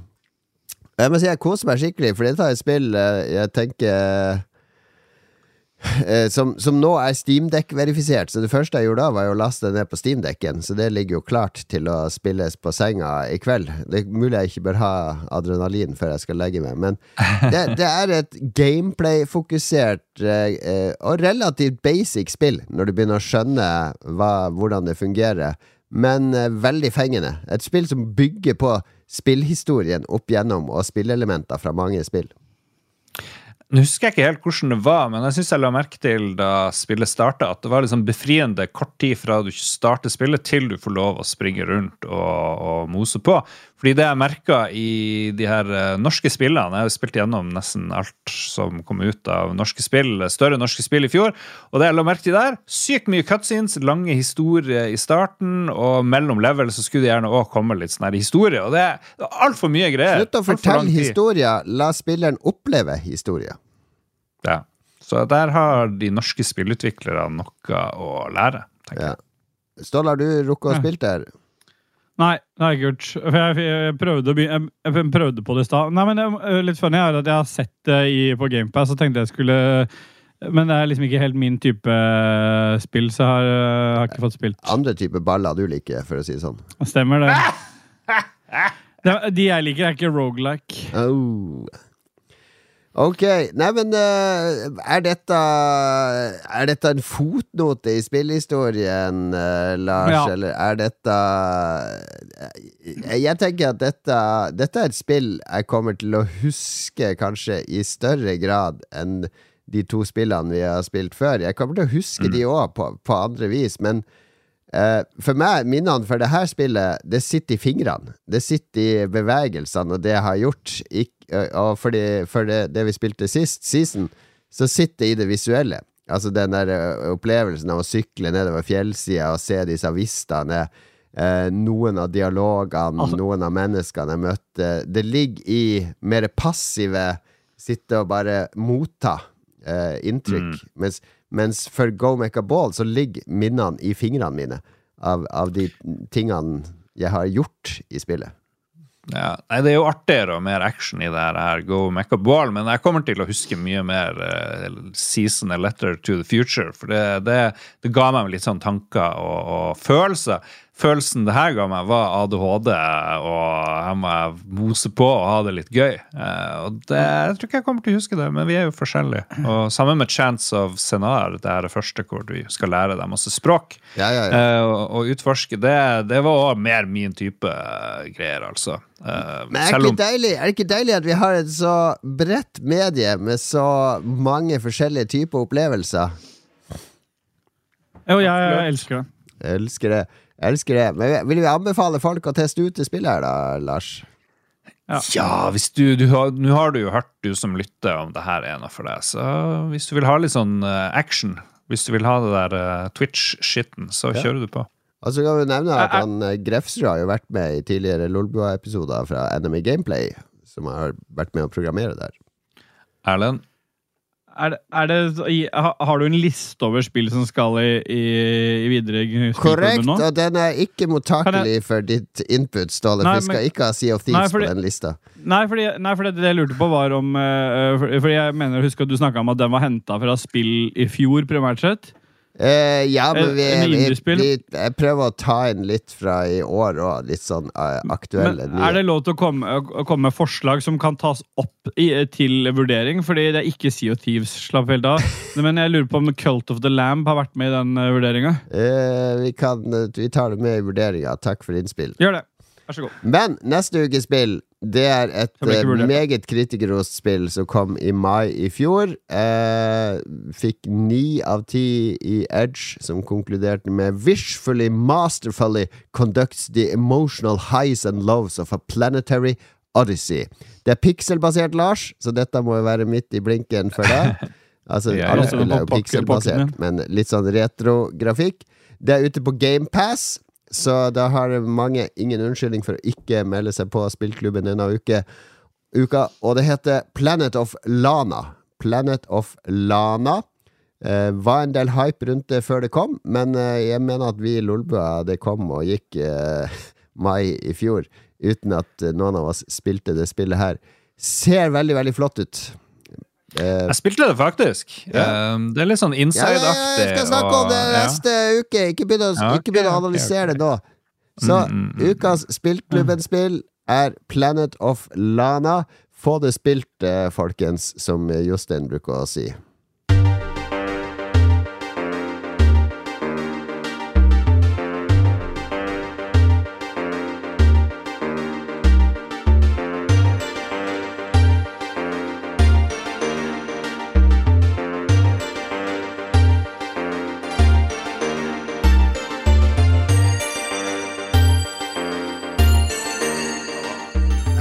Spillmusikk fra et av verdens mest populære spill der. Um, Minecraft. Nei. Fantasy Star Online. Uh, Be Bejeweled. Faen er det Det er jo et av verdens mest populære spill! Ja, det er det Ja, ja. verste med det. Det er nesten Ja. Ja. Ja, Hva er galt med Bejeweled? Nei, det er ingenting gærent med det. Det er kjempebra. jeg spilte masse Bejeweled 2, jeg. Kost meg. Hurra, hurra. Vi Det var Xbox denne... Live Arcade-spill i sin tid. Ja. Ja. Det var det. Ok, eh, spillklubben en uke etter er Bejeweled, uh, sier vi. vi skroter der Cult of the Lamb, og så går for Bejeweled. Ok, vi skal ha ukas anbefaling. Eh, Får du lov å anbefale når du ikke er med i Ragequit? Ja. Eh, Ja, ja, ja. Jeg bryr meg ikke om det. ja. Skal du begynne da. Ståle? Det kan jeg godt gjøre. Jeg har Ikke eh, noe sånn sexgreier, vær så snill. Nei, jeg, jeg føler jeg, jeg må stå mye i det greiene der som uh, Mye mer enn en, enn, eh, Philip med F og andre mer fokuserte sex. Ja, jeg klager på det sexgreia. Han, sånn. han og Ja, Lars jeg- begynner å bli han- for han- intime. Da, Ja, det er sånn. det er sånn Men jeg skal ikke gjøre det. Jeg har vært, um, jeg har vært på konsert uh, og har sett uh, Jarle Bernhoft uh, live i Operaen. Og det er for så vidt uh, Bernhoft-konserten uh, kan anbefales til mange å dra og få, med- få med seg han er, når han er nå på turné. Men, Var du på eh, gjesteliste? Nei, jeg var ikke på gjesteliste. What? Men jeg, jeg, chatta, jeg hadde litt chat med ham på i forkant. Men det jeg, ville, det jeg egentlig vil anbefale, det er å få opplevd eh, band eller noen man liker trenger ikke å være favorittband, eller noe, men få opplevd noe musikk i operaen. Fordi det var første gang jeg har vært i, i operaen og, og hørt eh, så, og Operaen er jo bygd for musikk, i motsetning til alle andre arenaer vi har. Så det å oppleve øh, musi noe musikalsk der Jeg har ikke vært og sett noe opera der, men bare det å få med seg en konsert i operaen, det er helt fantastisk. Den akustikken som er i den Det er helt insane. Det var overraskende hvor dårlig vi har øh, Hvor, hvor, hvor vi, mye vi har funnet oss i av andre arenaer når du kommer dit og hører noe. For det kan, Selv når du spiller høyt, så blir det på en måte Det gir en altså, helt fantastisk akustikk i den. Det er jo sikkert fordi det er lagd for musikk, men eh, det er Ja. helt Du kunne høre sånn eh, minste detaljer til liksom det største av det. Sånn små trampe eh, Sånn små trampe til takten på scenen. På en måte Kunne høre langt bak. Så det er min anbefaling. Gå og få Hvis Jarl ut Jarle eh, gå hadde prompa, hadde du hørt det òg da, tror du? Det er jeg helt sikker på. Så godt hørte du detaljene i lydbildet der. Men jeg hørte i hvert fall at jeg først slapp en fis, og jeg satt jo sammen med masse folk der, så det var jo ikke um, Og så vil jeg bare legge til en siste anbefaling, for jeg har to, siden det sannsynligvis er en stund til jeg skal være her igjen. Og det er at folk må slutte å klage på Post Nord. Eh, Post Nord er det mest forutsigbare og beste leveringstjenesten av de der ute. Dette er sikkert det, det som Jon Taco elsker å kalle en brannfakkel. Men Nei, nei, nei, altså, jeg, jeg har aldri noe problem med de. Aldri hatt problemer senest så- heller. Helt enig. Sist jeg skulle ha noe, det er denne Garmin-klokka jeg har på hånda nå. Den ble sendt fra nett og nett, og så, får jeg, eh, ser jeg det er til PostNord, og da tenker jeg yes, da, da kommer den i tide og gjerne. PostNord kommer som regel for, tidlig til meg. Ja. Så øh, når jeg, når jeg går inn i PostNord, så står det ja, forventa til det er om ni dager. Tenker jeg ja. Og så gikk det fire timer, så står det forventa det er om fire dager. Og så gikk det én dag, eh, og så sto det. Hva er anbefalinga her? Å ikke klage på PostNord? Nei, anbefalinga er å bare bruke PostNord framfor Helt Hjem eller Posten. eller Alle må slutte å, å være negativ til dette. De leverer hver gang. Jeg har ikke hatt én forsinkelseskomming, så anbefalinga her er bruk PostNord. Ja. ja. Er ikke det bra? Jeg tror det er sånn Hvis du lager sånn Venn-diagram over eh, folk som klager på PostNord, og folk som Ja. klager over ananas på pizza, så er det 90 Ja. overlapp. Det er idioter, begge to. Der har du fasit. Nakkeskudd, nakkeskudd. Oh, mamma. Da er jeg Jeg skal, jeg skal anbefale en tegneserie jeg fikk i eh, bursdagsgave. Den heter 20 km. Nå har jeg på sånn her blur-skjerm, det er en veldig fint grønn cover. Ja. Lagd av en kar Lagd av en kar som heter Wushibai, en fyr fra Shanghai. Oi. Som har sånne eh, Kanskje det er en ti panel på hver tegneserie, kanskje litt mindre, som er en sånn liten sånn, lite eventyr eh, hver for seg. Med litt sånn rare perspektiver, veldig enkel strek, og litt sånn eh, tørre poeng, kanskje.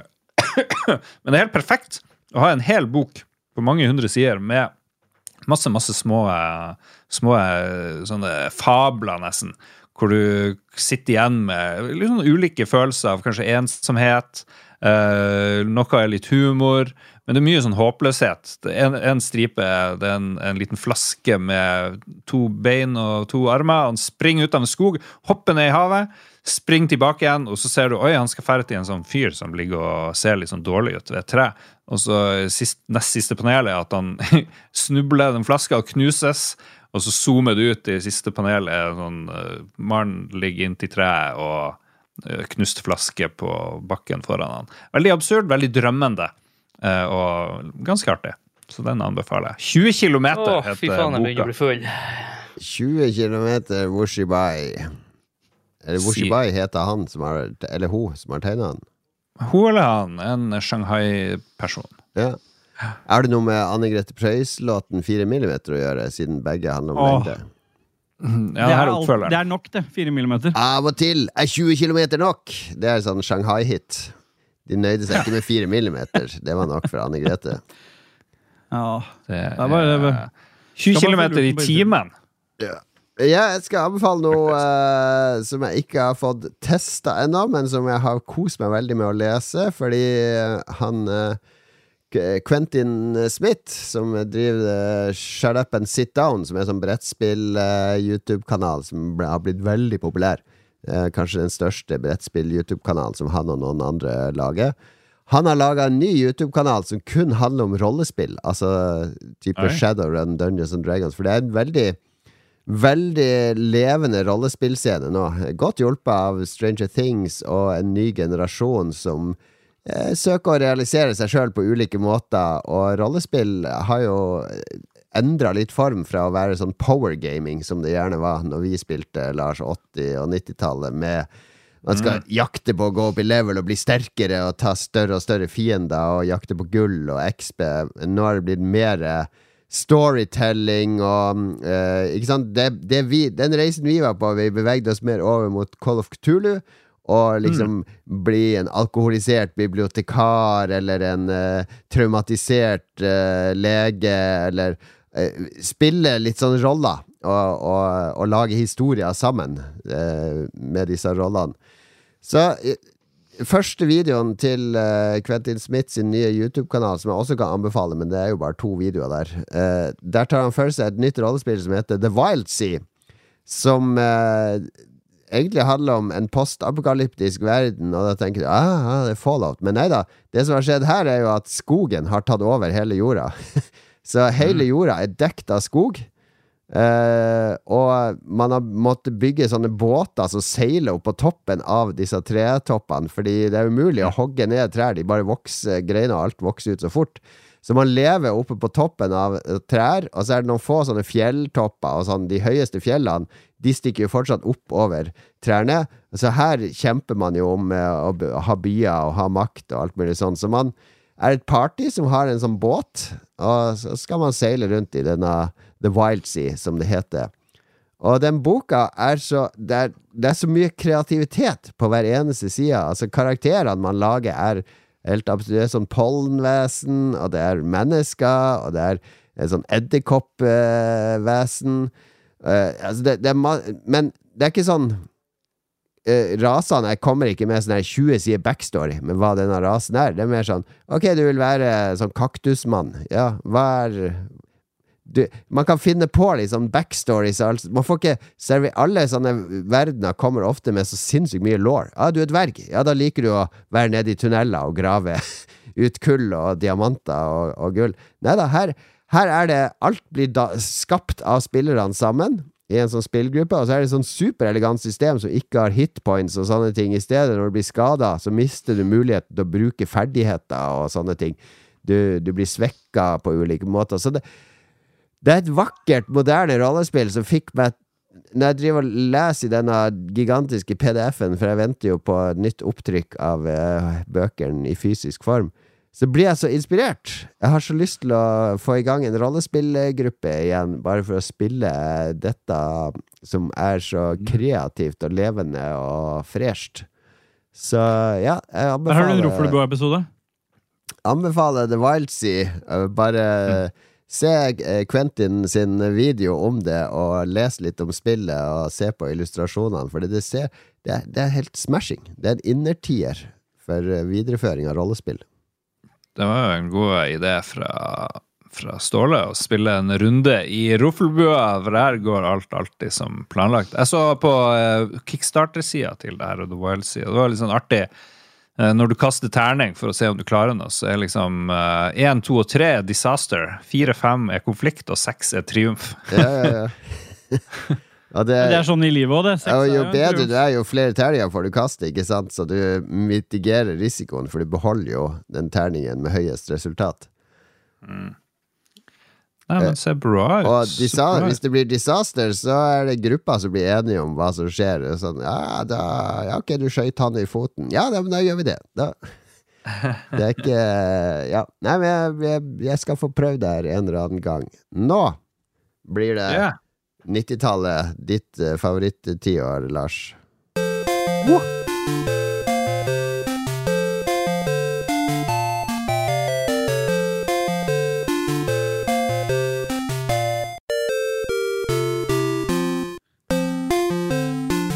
Velkommen til Jeopardy. Her er det jeg som har uh, spørsmålene Nei, svarene, og dere har spørsmålene, som eh, faren til Kristoffer Schou brukte å si. Hva er på- 90-tallet?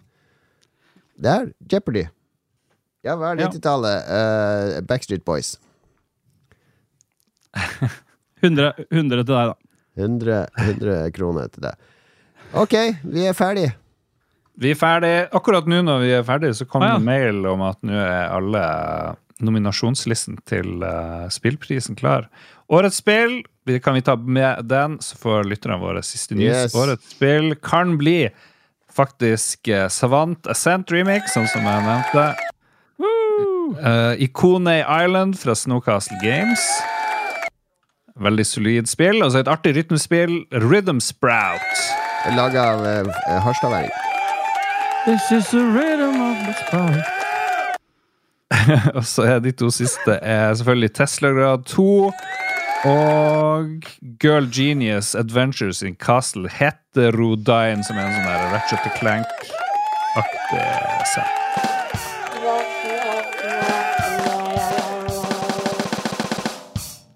All right. Det var de nominerte til Fytta spill. helvete. prisen. Ja. Og nå må vi takke våre produsenter som om vi har vunnet en pris, og Tårevåt står på scenen og skal takke Gud og mamma og pappa og produsenten Ståle. Ja, da vil jeg bare gratulere så utrolig masse til TTMXMP. For lengst penis. Har du den der talemusikken, Ståle? Den der eh, Å, nå må jeg si noe-musikken. Ja, vi, da må vi ta oss uh, Vent, da. Det må vi selvfølgelig ha med oss. Skal vi se her nå. Uh, uh, er det den her, tro? Nei. Ah, den var også rolig. Nei da. Der er den. Der er den. Vi vil selvfølgelig takke vår produsent som har vært med oss i tykt og tynt gjennom sorger, gleder, TTMX MP. Duke Jarlsberg. Duke Jarlsberg! Duk Jarlsberg. Tusen takk. Jeg vil gjerne rette en stor takk til alle som har vært med og støtta denne podkasten. En ekstra stor takk til en person som har betydd mye for meg i denne tunge tida. Christer Lysaker. Takk for at du er den du er. Og fra ADSL-linja til eh, Jon Taco vil vi selvfølgelig også sende en eh, fantastisk takk til uh, vår alles Tokyo-Chris. Og til slutt Mannen som oppfant 486-en. Du er så flink. Spruce me! Hvor kom Tokyo-Chris? Han er ikke på lista her. Nei, Chris eh, Han heter jo Tokyo-Chris. Det var Kong Hogg du skulle takke, Ståle. Ja, men hva tok jo Chris bort, han, da? På med musikken eh, igjen, og så takker du Kong Hong. Og det skal være hjertefullt.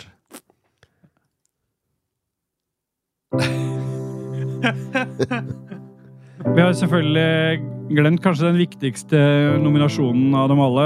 Det gikk, eh, gikk litt fort i svingene, som eh, kona mi pleier å si. Kong Hong, du er altså så fantastisk. Drammen er en fantastisk by. Vi elsker deg.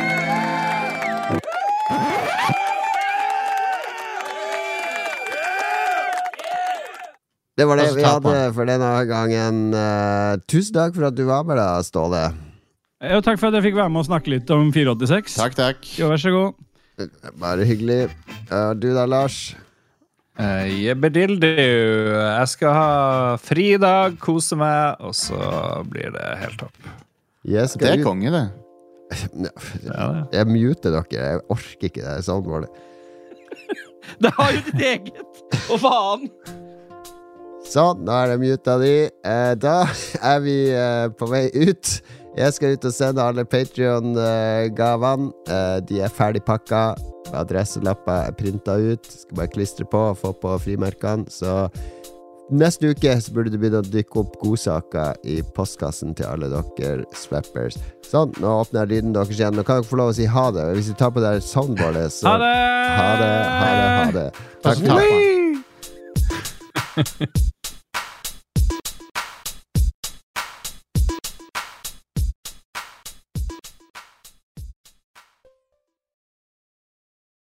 Har du et enkeltpersonforetak eller en liten bedrift? Da er du sikkert lei av å høre meg snakke om hvor enkelt det er med kvitteringer og bilag i fiken, så vi eh, gir oss her, vi. Fordi vi liker enkelt. Fiken superenkelt regnskap.